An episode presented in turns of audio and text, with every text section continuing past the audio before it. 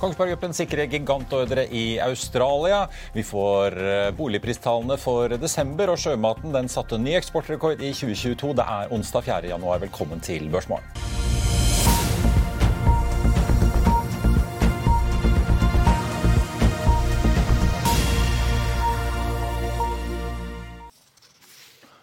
Eh, riktig god morgen alle sammen, og velkommen til oss her i Finansavisen. Mitt navn er Marius Lorentzen, og med meg har jeg aksjekommentator Karl Johan Månes. Vi får også straks besøk av sjefstrateg i Danske Bank, Anders Johansen.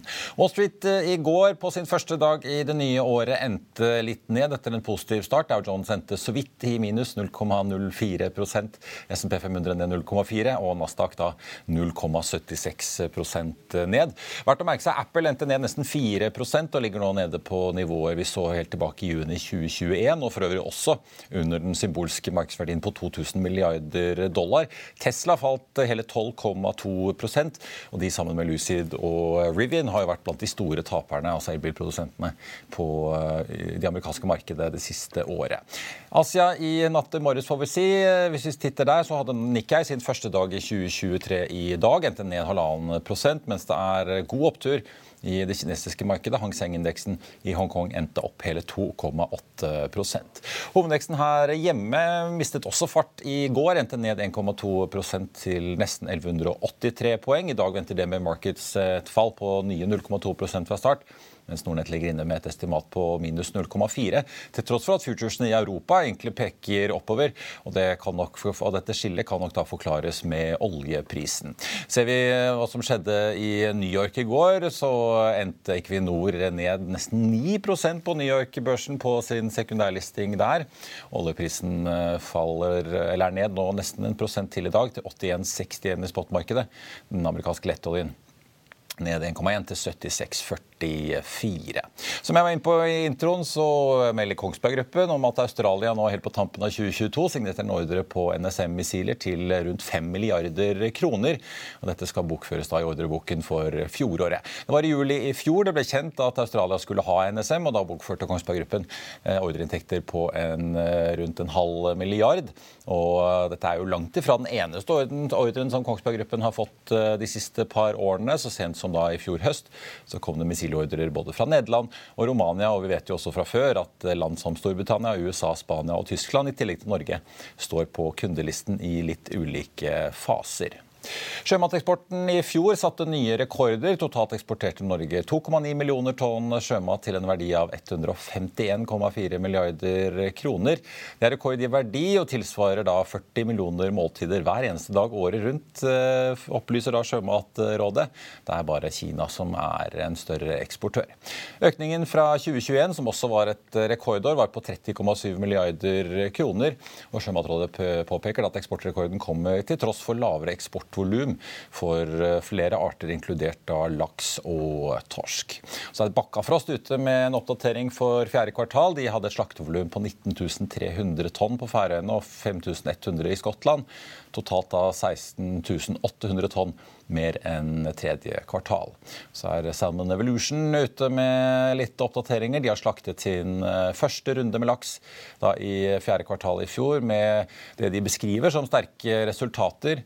Mer detaljer det får du på fa.no. Vi skal ta inn dagens gjest og er straks tilbake rett etter dette. Vil du bli oppdatert på det viktigste som har skjedd innen finans og næringsliv? Da er det bare å følge med, for hver morgen er jeg, Marius Lorentzen og aksjekommentator Karl Johan Malnes på plass i studio for å ta tempen på dagens marked i Børsmorgen. Og hver ettermiddag oppsummerer vi alt du trenger å vite i økonominyhetene, og det blir selvfølgelig masse interessante gjester. Klikk deg inn på fa.no-tv, eller søk opp Børsmorgen og Økonominyhetene der du hører på podkast.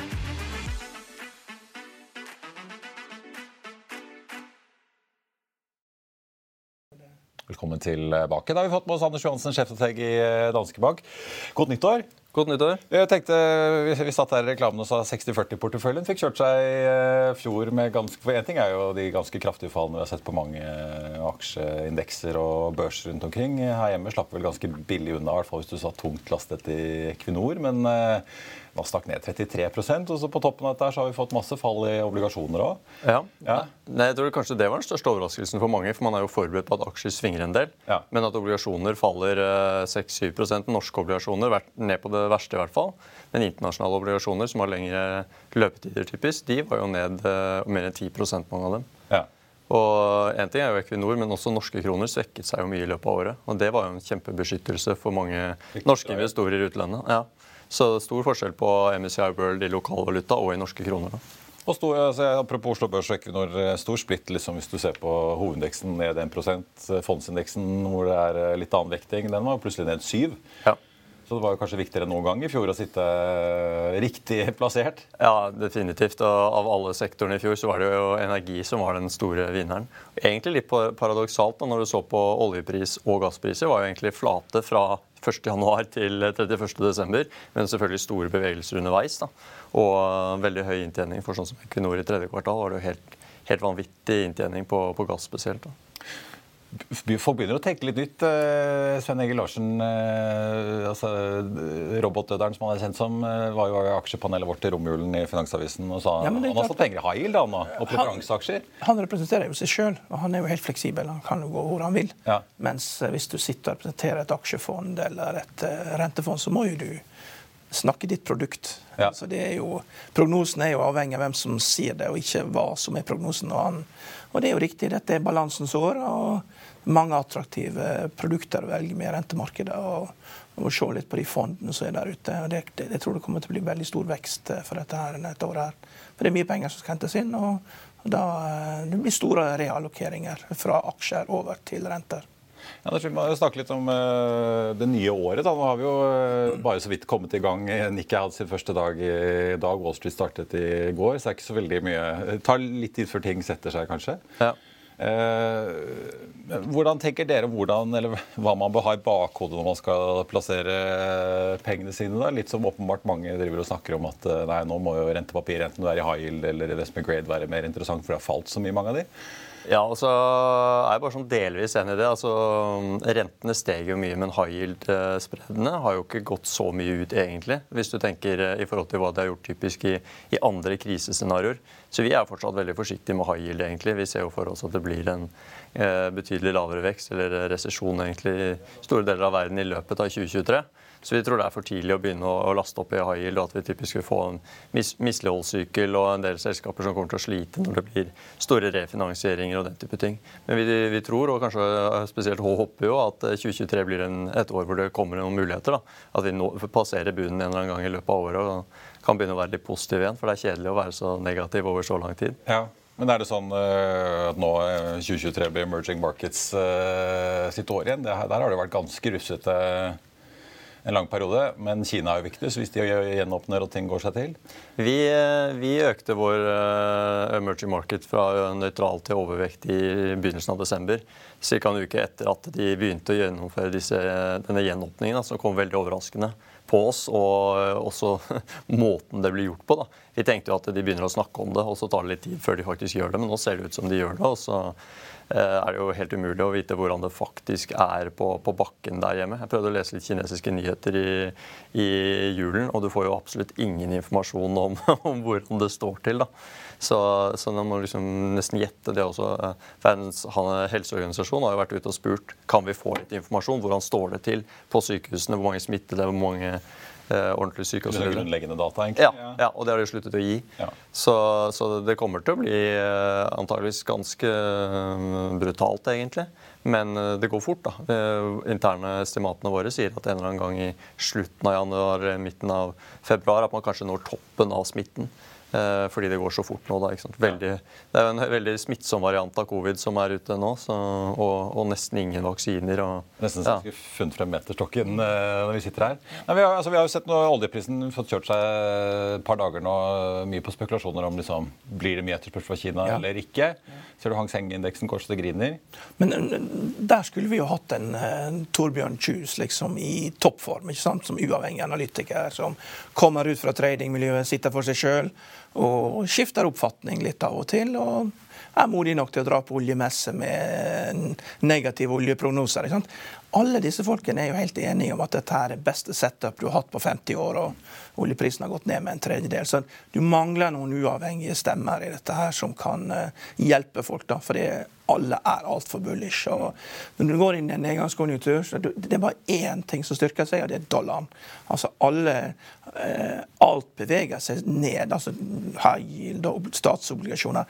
Alt eh, gjør det dårligere helt til liksom krisen lyser rett imot deg. Det er bare dollaren som er trygg. Mm. Eh, og dit går pengene. Men Anders, Du nødt til å være litt forsiktig med high yield ennå. Men hva med altså, vanlige obligasjoner, investment grade-ting eh, som i utgangspunktet bør ha lavere risiko? Jo, Norske investment grade-obligasjoner syns vi virker veldig interessant. Spesielt fordi vi har jo fått betydelig høyere renter og en del høyere spredder i løpet av fjoråret. da. Da har det kommet litt inn. Rentene falt jo litt mot slutten av året. Og, og spreddene kom jo litt inn også på kystbanker og den type ting. Fra rundt 130 basispunkter til rundt 100. da.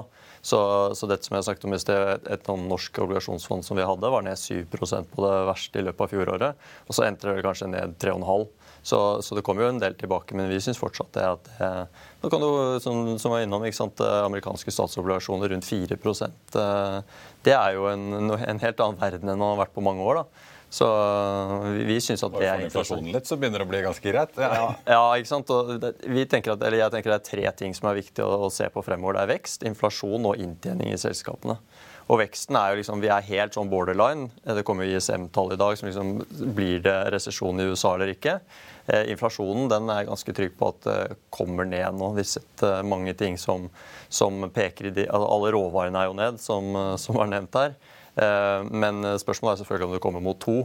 Uh, og så er det jo inntjeningen. I hvilken grad klarer selskapene De klarte jo hele fjor. Det var grunnen til også at inflasjonen er så høy. De dytter kost, høyere kostnader over ett ledd videre, og du får høye priser.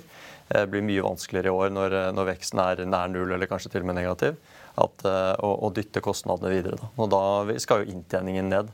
Det blir ikke lett å sitte og være konsernet som skal sitte og guide for 2023 når du kommer Q4-rapportene om ikke så mange ukene? Ja, det er riktig. Men jeg har lyst til å snakke litt om obligasjoner. for nå Rentene er jo veldig lave, så det er mye lettere å regne på hvor mye penger du kan tjene på obligasjoner nå når rentene er lave, enn når de var mye høyere før da vi gikk på skolen og hadde durasjon. Og, eh, det er mye vanskeligere. Hvis du har en tiårsobligasjon og renten er 4% og så får du sånn ca. 10 eh, avkastning per prosent eh, det går ned. Fordi at renten er så lav. Hadde renten vært mye høyere, så hadde regnestykket vært litt annerledes. Samme hvis du har en 30-årsobligasjon. 1% renteendring er da 30% kursstigning. Eh, så her ligger store, men igjen, du skal ikke kjøpe disse her før krisen er helt maksimal. Altså Det er først dollaren som styrker seg, men helt på bunnpunktet så skal man inn. og Da skal man være med på dette. her, og Da kan du få veldig sterke store gevinster med lav risiko ved å kjøpe disse produktene. Men det gjelder jo gjerne ofte å være altså Skal du få oppturen, i hvert fall i aksjemarkedet, er det ofte sånn at du må jo ikke gå glipp av den der første kraftige oppgangen i starten. Nei. Hva blir det av starten av oppgangssyklusen igjen? da? Starten av oppgangssyklusen er typisk når økonomien fortsatt faller, men den faller mindre fort enn tidligere. Eh, så jeg tenker ofte sånn Når du sitter på flyet og flyet bremser i begynnelsen, der, så blir du liksom kastet fremover. Så på et eller annet tidspunkt så, så fortsetter du å bremse, men de bremser ikke like mye. og Så blir du liksom slapper du av. Litt den der får du når, når du har nådd det verste bremsen i økonomien. Fortsatt negativ. Da er det aksjer eh, har kanskje den perioden med aller raskest vekst. Liksom under oljebremsen i 15-16, eh, det var liksom når det sluttet å komme beskjeder om nye nedbemanninger. Da ante meg at nå var, liksom, nå var vi på rock bottom. Ja. og det stemte. Ja, men, men uh, her er det Federal Reserve som er signalet. Altså. Når de kutter renten, så skal man kjøpe. Ja. Eh, det, det, er klare signalet. Og så må man gjerne kjøpe litt før, da, når det er maksimal krise. Skrive litt om det i dagens kommentar, at det er der du må dette skjer som regel rundt en helg da, til et eller annet som går helt galt et eller annet sted som du ikke venter, enten i Kina eller et uh, high yield-fond. og Så må, må, man inn og berge dette. Long term capital management eller et eller annet sånt. og da Sånne kriser bruker dukke opp på en torsdag eller en fredag. og så Da er det fullstendig krise som løses i løpet av helgen. Og så kutter Fed renten med 2 eller noe sånt på mandag. og Da må du være inne. Fordi Etter computeren kom, så nytter ikke å drive og vente og se. Hvis du har statistikk som viser seg at det alltid skal ned og teste, som, for jeg hadde gjort de siste 100 årene, når det var brevduer og sånn, det må du bare glemme. Der computeren styrer dette, her, du får bare én sjanse. Når Fed kutter, så må du kjøpe. Da er det go. Ja, det er go. Det er, det, vi, vi lever computerstil. Kina har ennå ikke ryddet opp i balansen sin, så det, Nei, det er en egen økonomi. Men Anders, eh, vi, eh, vi, må snakke litt aksjer eh, og liksom hvilke sektorer eh, dere vurderer som eh, si, bra og dårlig om dagen. Ja. For det var litt inne på fremvoksende økonomier. Er dere egentlig ganske positive til? Eh, ja, og det, og det er, er jo litt sånn ja, ja, det er litt sånn, uh, si, På lang sikt så er det jo veldig mange utfordringer i Kina. Altså, det Boligboblen som du har vært innom. Ja. Jeg kaller det en boble. da Jeg mener at de har jo investert altfor høyt i, i, mange år uh, for å lappe på mange andre svakheter. Nå har den sprukket, og de, de, løser jo nå antageligvis opp i korona også. Delvis for å kunne stimulere boligmarkedet. Så jeg tror at det, uh, det er én ting. Det andre er jo selvfølgelig at de har et demografisk problem. De har uh, hatt et sånn ettbarnspolitikk fra 1980 til 2015, og det blir et kjempehull på et eller annet tidspunkt. Så, motsetning til India? I mot, ja. ja. ikke sant. I motsetning eller, ja, i, i, det er jo, altså Kina har jo det samme problemet som mange andre, bare at de har mye verre. Fordi de har, de, ikke sant, eh, Vestlige land har eh, en og en halv føder ett og en halvt barn per kvinne omtrent. I Kina har det vært betydelig lavere fordi det har vært maks én og noen har jo ingen, ikke sant? så blir det betydelig lavere.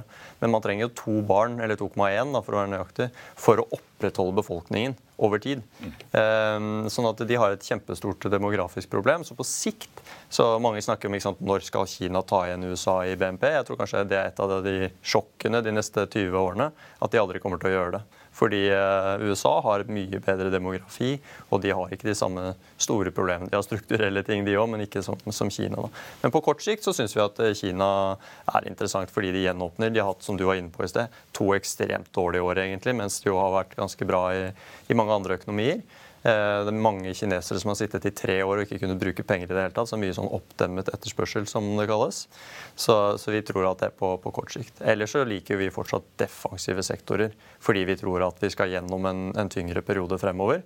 Eh, og så Du tør ikke, å, si at nå skal man satse på tech og, vekstaksjer? aksjer? Eh? Nei, det er, det er, vi mener at det er for tidlig. Og ja. det er også litt sånn OK, Nasdaq var ned 30% i fjor, men hvis du ser på over to år, så altså det 2021 som man hadde, det, det, henger ikke på greip sånn prisingsmessig spesielt. Eh, det stikker helt ut. Eh, hvis du, hvis du, tar opp den lange grafen, så ser du at eh, prisen sånn, stiger de siste ti årene, fra 2010, eh, da, etter finanskrisen, eh, eller man var ordentlig ut av den, men 2020 og 2021, da liksom bare spretter disse teknologiaksjene opp. og Jeg tror det var på det verste over 70 SMP-aksjer som var priset på pris, pris opptjening på over tigangeren.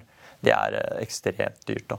Vi så, ja, vi så, jeg nevnte jo Tesla var ned eh, over 12% i går. Eh, men altså Rivian og mange av disse elbilprodusentene det, er altså, det er jo nesten 100% fall. De var vel ned 80% i fjor. sånt. Ja, det, det er jo små selskaper. Altså det, det, her, her er sånn som Nvidia. Ja, Men Tesla var jo ned over 60% i fjor. Ja, og, ja nei, klart, Tesla falt jo i går like mye som Twitter er verdt. altså Det falt jo med 12 igjen. Og, og det folk glemmer, er jo at det har vært to aksjesplitter her først til fem. I'll see you in court. Vi sier det ofte litt på spøk, men for deg som driver business, er det aldri moro å innse at du ikke har laget en 100% gyldig kontrakt. Du bør ikke risikere hele firmaet ditt fordi du synes dette med kontrakter er litt stress. En avtale er ikke en avtale. Du kan miste kunder, miste venner, ja, til og med miste inntekter om du ikke lager en skikkelig kontrakt, på alt mulig, egentlig. Men vi vet det er et styr, kopimaskiner, tregprinter og haugevis av papir. Dessuten stoler vi jo på folk her i landet. Det er ofte litt kleint å skulle be om en signatur for alt mulig, ja, for mye av styret handler også om jakten på underskriften.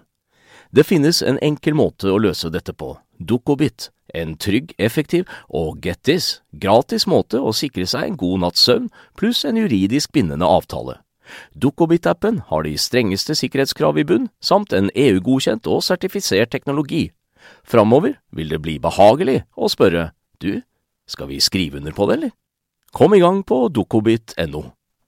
83, slik at når eh, Elon Musk gikk ut og sa i 2018 at eh, funding and secure skal ta Tesla børs på 420 dollar per aksje, det er lik 28 dollar per aksje delt på 15, mm. den kursen som uh, på 420. Så, uh, og vi, det, det tekniske analyse peker jo på at kursen skal ned til 24-26. Jeg tror vi skal ned dit i løpet av året. Men det er klart det, du kan få enorme rebounds. Uh, så der du liksom tar igjen 50% av fallet i, i perioden. For det går ikke bare kan ikke bare fortsette å gå rett ned, sånn som det har gjort den siste måneden. Nei. For det gjør det ikke. Men at det skal langt ned, det er ikke tvil om. Så man må være litt disiplinert i tradingen for å få det med seg. Men defensive aksjer, er det da typ helse Men consumer staples, liksom? Altså, ja, det er den type ting. Er det så safe liksom, hvis det er, ja, det er, ja, folk strammer enda mer inn? Ja, det er så safe fortsatt, ja. mener vi. Og vi kommer jo til å se det nå øh, på alt som har av konsum i, i første kvartal.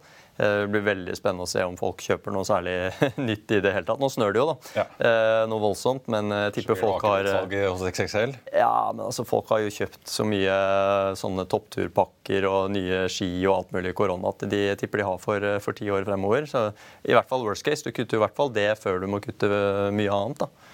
Eh, og med høye strømpriser. og Nå har jo Norge stilt seg i en situasjon hvor vi jo har de veksler mellom å ha de høyeste strømprisene i Norden og de høyeste strømprisene i Europa, litt avhengig, avhengig om det blåser, eller Nord-Europa, da, avhengig om det blåser eller ikke i Tyskland. Så liksom det, det blir dyrt med strøm i mange år, tror vi. da. Eh, men hva tror dere med deg? Altså, apropos Torbjørn Kjuse i Aker nå. Eh, hva tror dere om energisektoren, da? På kort sikt så er vi, altså vi er nøytrale til eh, energi. På lang sikt så, så tror jeg fortsatt at uh, oljeprisene og også for gassprisene kommer til å være betydelig høyere. Uh, fordi vi er i gang med et skift, men vi, vi, skifter jo ut av noe før vi har det, erstatningen klar. Og da er det bare økt leting som, som, hjelper, og da må du ha høyere priser. Så, men på kort sikt, når vi skal inn i en nedgangskonjunktur, sånn som Karl Johan var innom i sted, så, så har i hvert fall alltid oljeprisen falt før så er den jo veldig, det er jo veldig stramme tilbud og etterspørsel akkurat nå, men likevel så tror vi at det, det, den kommer i hvert fall ikke til å stige kraftig før vi, vi får den der eh, rebounden hvor du begynner å se lys i enden av tunnelen. Det, blir det nå bare stille i båten eh, frem til Fed-møtet det første i 2023? Altså Hvis du representerer et aksjefond, så sier du alltid du skal sitte stille i båten. Det, ja, ja, ja, det er jo... Nei, men jeg tenker liksom at uh, Blir det egentlig bare litt sånn krusninger i markedet fordi mange alle går og venter på nei, nei, nei, nei. hva Trump skal si? Det er, her er det så mange ting som er i bevegelse. og Eh, så mye likviditet som sitter på feil plass, og så mye penger som er innlåst i strukturer som folk ikke får ut, at det kommer til å bli veldig store endringer i år. Du har jo han eh, Howard Marks som kaller dette her en av de tredje største endringene han har sett på liksom 53 år. At du nå kan eh, pensjonsfond kan gå og kjøpe fixed income products, og at de kan gi mening. Og han er jo de er jo veldig gode på emerging markets, uh, gjeld. Uh, veldig opportunistiske. Tidlig inn, uh, gikk inn i sølvtrans, der du skal være modig. Så du sitter i Los Angeles og tør. Det er ja, ja. Det, er, det er modig gjort, altså. Det, så de er, de er, flinke, og når han sier det det er veldig godt gjennomtenkt. Altså. Så, du, så, så pensjonsfonder de vil, Og det, det er bedre produkter for dem, for det er mer likviditet i de produktene enn det er i disse her innlåste private equity-strukturene der at folk ikke tar markdowns engang, sånn som det har vært på venturefond og en del andre ting som vi også har skrevet om. Så det er, eh, det er en stor endring. og det er en fin tid for eh, nye folk å begynne som CFOs å gjøre, gjøre store endringer. Minner litt om en Ulf Leinebø i Landkreditt som sa det at han var en siviløkonom som hadde begynt. Han hadde tatt kontanten og flytta det over på høyrentefond og dobla resultatet til firmaet på slutten av 80-tallet. Altså, du er i en litt sånn situasjon hvor at du kan gjøre store endringer for selskap da, med, å, med å styre balansen og kontantene på en annen måte enn før av ressursene. Frigjøre eh, ressurser som ligger der, eh, og få de inn i, i, ting som gir avkastning løpende med likviditet. Men er dere eh, liksom undervekt aksjer nå? Vi er fortsatt undervekt aksjer, ja. ja. Så det er derfor jeg sier det. Altså, vi, gikk ut, vi var overvekt i hele 2021, og så gikk vi nøytrale i slutten av november. Rett og slett fordi vi syntes at det var veldig mye ubalanse. og og usikkerhet der ute. Da og så, da skulle vi selvfølgelig vært undervekt allerede da, men det gjorde vi, vi senere. men derfor jeg sier at det, det har allerede vært ett kjedelig år sånn sett, og veldig negativ og sånn, men foreløpig så er det altfor mange indikatorer som peker mot at uh, global vekst er på vei nedover. da. Vi ser ingen tegn til at det snur, og så er det litt som Karl Johan også sa i sted. Um, når, når, kan Fed begynne å senke rentene? da? Enn så lenge så er de jo eh, mest opptatt av at vi må holde renten høy lenge. I hvert fall til de ser dette 2 %-inflasjonsmålet innenfor, uh, innenfor uh, ja. ja. For det virker som har vært mantraet til Powell at uh, de strekker også tiden dette skal vare ja. med høye renter. Ja, og det, det er, Hvis du ser på pressekonferansene, så er han veldig opptatt av hva som skjedde på 80-tallet. Og, og Volker, hva, hva, han gjorde da. Og den ene læringen han trekker fram gang på gang, er det at de var for tidlig ute med å sette ned renten. Eh, og så kom det en runde til med, med høy inflasjon. Det er de redde for, og spesielt altså arbeidsmarkedet som er så stramt da, med 3,7% arbeidsløshet. De er veldig redde for at hvis de begynner å sette ned eh, renten for fort, så kommer eh, etterspørselen opp igjen. Og så er det jo Det ser jo bra ut nå. Ting har rettet seg mye etter korona, men de er redde for at det plutselig spretter inflasjonen opp igjen. Og da blir det mye vanskeligere i neste runde å, å, å kunne stå der med rett Trygg og si vi har ikke tatt feil bare én gang, nå har vi gjort det to ganger på rad. Eh, og så mister de kontroll på dette på inflasjonsforventningene. Og da, da, eller derfor da, så sier de at vi må holde renten høy lenger. Og Det tror jeg nå, det er en av de store forskjellene fra kanskje de siste 20 årene, hvor inflasjonspresset har vært så lite. Så hver gang markedet faller, så kan de sette ned renten fordi det har ikke vært noe inflasjonspress her. Nå er de veldig tydelige på at vi vil ikke gjøre det før inflasjonen viser at vi har kontroll på den. Eh, så, så, hvis vi får en uh, resesjon nå relativt snart, og inflasjonen fortsatt ikke er løst, så vil de nok vente lenger enn hva de kanskje uh, ville gjort ellers. Det... USAs økonomi er jo mye mer strukturert for å skape endring raskt. fordi at De som har fastlånsrenter på hus og på bil, de har jo de rentene de hadde fra før. og det går jo bare utover de som må utsette kjøpene, som ikke får kjøpt seg bolig fordi at eh, boliglånsrenten har dobla seg, og fordi at eh, billånsrenten har dobla seg. og da så det går utover de som da ikke har råd til å kjøpe dette. her, og det er Hus og bil berører liksom 20% av økonomien. Det går utover eiendomsmeglere, det går utover de som selger puter. det går utover, altså. Mens i Norge da, vi er litt mer lutherske. Her skal alle pines. ikke sant? All, renten skal opp for alle. Det er ikke noe rentebinding. Si hopp, så må vi hoppe. Ja, rentebinding, hva er det for noe? liksom, Det er for pysere. Alle må svi, ikke sant? Eh, så det er jo, en, det er jo et tankekors. altså Man burde kanskje sett på liksom det samme med strøm. altså Hvorfor, hvorfor er ikke et fast, eh, fast strømprodukt? ikke sant? Det er jo for at vi ja, sett at vi har trengt det. ikke sant? Det har ikke vært noe marked. At, at, det ikke er det, det er jo helt utrolig. ikke sant? Og langt større byer som er mye mer kapitalistiske, så har jo stort sett bare ett strømvalg. Det er jo ikke snakk om 1000 selskaper å velge mellom som prøver å lure det hele tida. Det jo både i New York så er det Con Edison som er en strømleverandør, og der er kanskje noen få andre som kan på andre servicegrader kan ta litt naturgass og velge litt andre kilder. men det, det er ikke så mye å velge. altså. Og, der er noen marked som ikke egner seg for fri konkurranse. Liksom. Det, eh, det, må være regulert, og da kan du liksom gå og angripe de når det er noe som mangler, så kan du få utbygging. Og, ja. Så det, Man må jo se litt på land som er litt mer kapitalistiske enn Norge. og det er Kaosøkonomi. Det, alt trenger ikke være som en torghandel. liksom. Ja. Det er ganske, ganske, interessant det du sier, fordi Hvis du går syv-åtte år tilbake i tid, så var jo bekymringen i kraftbransjen i Norge at vi hadde altfor lave priser. Ikke sant? Og var, vi hadde jo denne elprissamarbeidet med Sverige, og de bygget jo ut masse vindkraft i Nord-Sverige. Eh, og det ble eh, på en måte subsidiert av eh, norske konsumenter, som, hvor strømprisene var veldig lave, og det var ikke lønnsomt da, å, å, drive. Og Nå sier jo både svenske myndigheter og norske også at innen 2026-2027 så er veldig mye av det kraftoverskuddet som vi har nå, det er borte. Ikke bare i Norge hvor vi har 15 TVO, men i Sverige hvor det er 30 også. Og det er jo helt, helt vilt at man klarer å planlegge så dårlig. Da. Og så ser jeg disse trendene, at, vi, at vi på en måte forbruket skal øke så mye, og at man ikke gjør noe form for eh, utbygging i større skala. Det, er, det, gass, det, er gass, det er Gazprom, Gazprom som har ødelagt det. Bransjen selv blir jo overrasket. Elmera eller Fjordkraft måtte sende resultatvarsel. og Du kan jo så... litt mobilkunder til Telia igjen med joint venture og fått inn Se swappen, eh, som Fortum gjorde med Hafslund. Hafslund endte opp med kraftbiten, og Fortum skal ha distribusjon for dette hele bransjen skulle begynne å prise på effekt, mm. og ikke på eh, det du leverte. Så eh, det er, det er, mange ting som man kan Igjen, da. Det er brytningstid hvor man kan begynne på nytt, og så må man sette seg opp og så må man prøve å gjøre ting sånn at man ikke blir overraska hver gang det er noen store endringer. Kanskje det at man kan uh, skape litt mer rigide strukturer, slik at ikke alle føler det at det, er altfor store endringer. Så ikke man har råd til å dra på hytta. Da er det et eller annet som er helt feil. ikke sant? Ja, Hvis det er strømprisen som gjør at du ikke har råd til å dra på hytta, så er det, det er jo veldig trist. Anders Johansen i Danske Bank, tusen takk for at du eh, kom til oss. Ganske surt på Oslo Børs fra start i dag. Hovedindeksen ned nesten prosenten, nå 0,96% Vi ser det tynges på toppen av Equinor og Aker BP. Equinor ned 3,3% og Aker BP ned en 2,85 nå. Kongsberg Gruppen, som har solgt eh, masse missiler til Australia for nesten ja, rundt 5 milliarder kroner, opp 1,3% De er jo en av eh, unntakene sammen med DNB og Telenor, som også på mest omsatt-listen er opp i dag. Ned over 6% Nordic Nanovektor. I går var det jo ekstraordinær generalforsamling. Jon Magne Aspmyr er valgt som ny styreleder i Biotech-selskapet, og Eddie Berglund og Tina Bjørnluf, eh, Bjørnlund Bjørnsdorf som nye styremedlemmer. Aspmyr er jo da mannen som har figurert som talsperson for denne aksjonærgruppen AG Nanovektor. Det ble jo da stor konflikt i selskapet etter at eh, denne paradigmestudien måtte legges ned.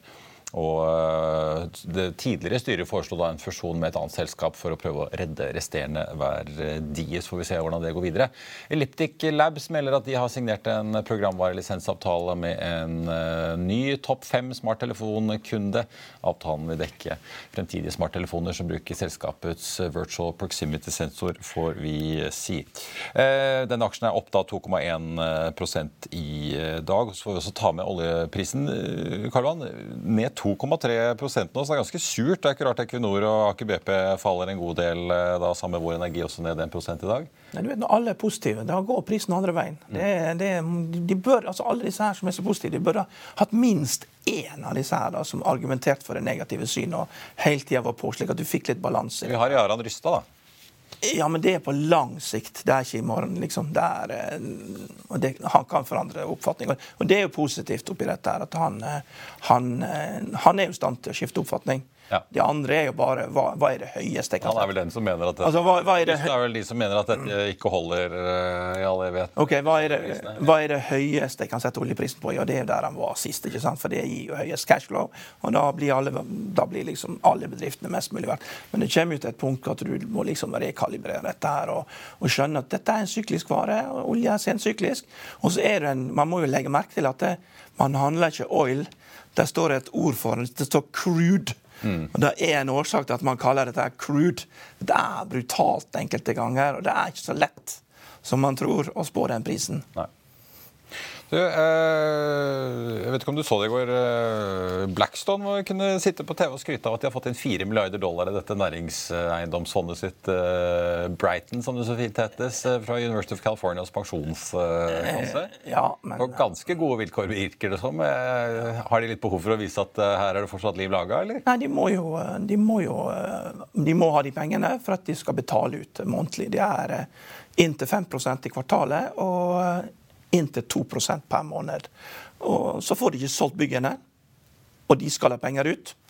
Og da har de fått eh, Vi måtte sette lokk på uttak her? Eh, nei, det er Lokket på uttak for det fondet det er gitt når du tegner, så vet du at eh, det er maksimum 5% per kvartal. Det er maksimum 2% per måned. Så det, det, visste alle når de gikk inn. Det, eh, det, var ikke noe som kom Det, var, det er ikke noen overraskelse. Det visste de når de tegna.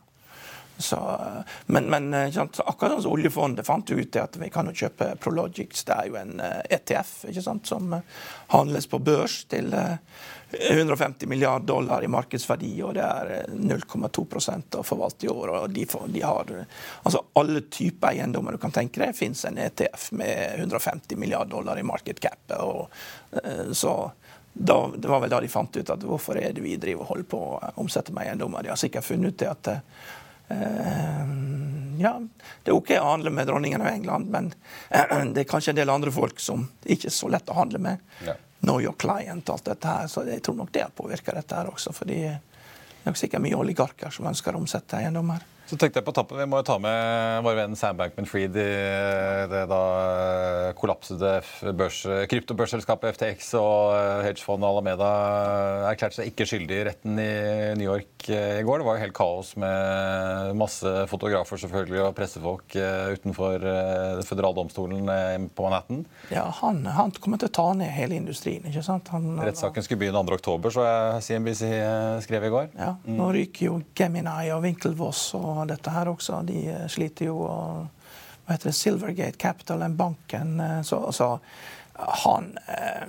Altså alt som er personen, ser ut som at dette her er en sånn trebokstavsorganisasjon i USA som har gått inn og gjort det. Det ser ut som en sting operation. Både bakgrunnen og hun kjæresten hans også, Alison, som er datter av en MIT-professor. som har, det, det, Altså det, er, det, det, det, ser sånn ut, altså. The story goes on, som det heter? Ja. ja. ja så det er, eh, og han, eh, så tar de ned Binance, og da får du liksom eh, Så du ødelegger da tilliten.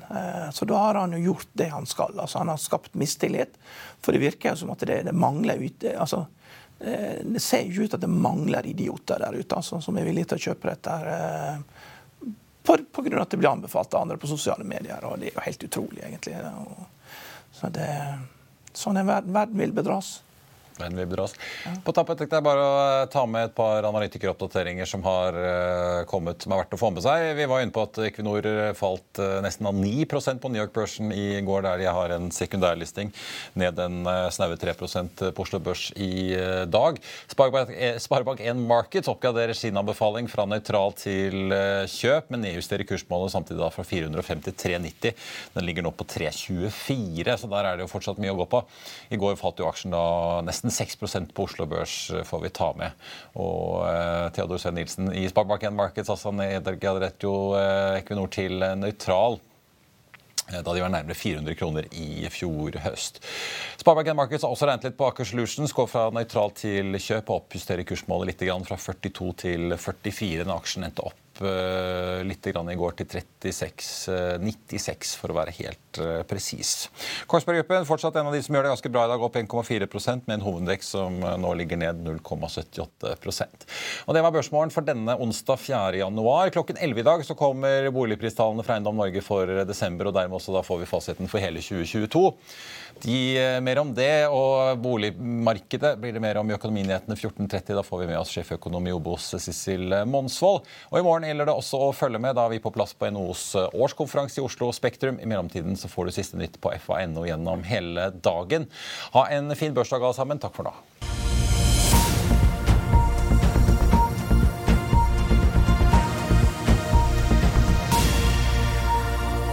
Økonominyhetene er en podkast fra Finansavisen. Programledere er Marius Lorentzen, Stein Ove Haugen og Benedikte Storm Bamvik. Produsenter er Lars Brenden Skram og Bashar Johar. Og ansvarlig redaktør er Trygve Hegnar.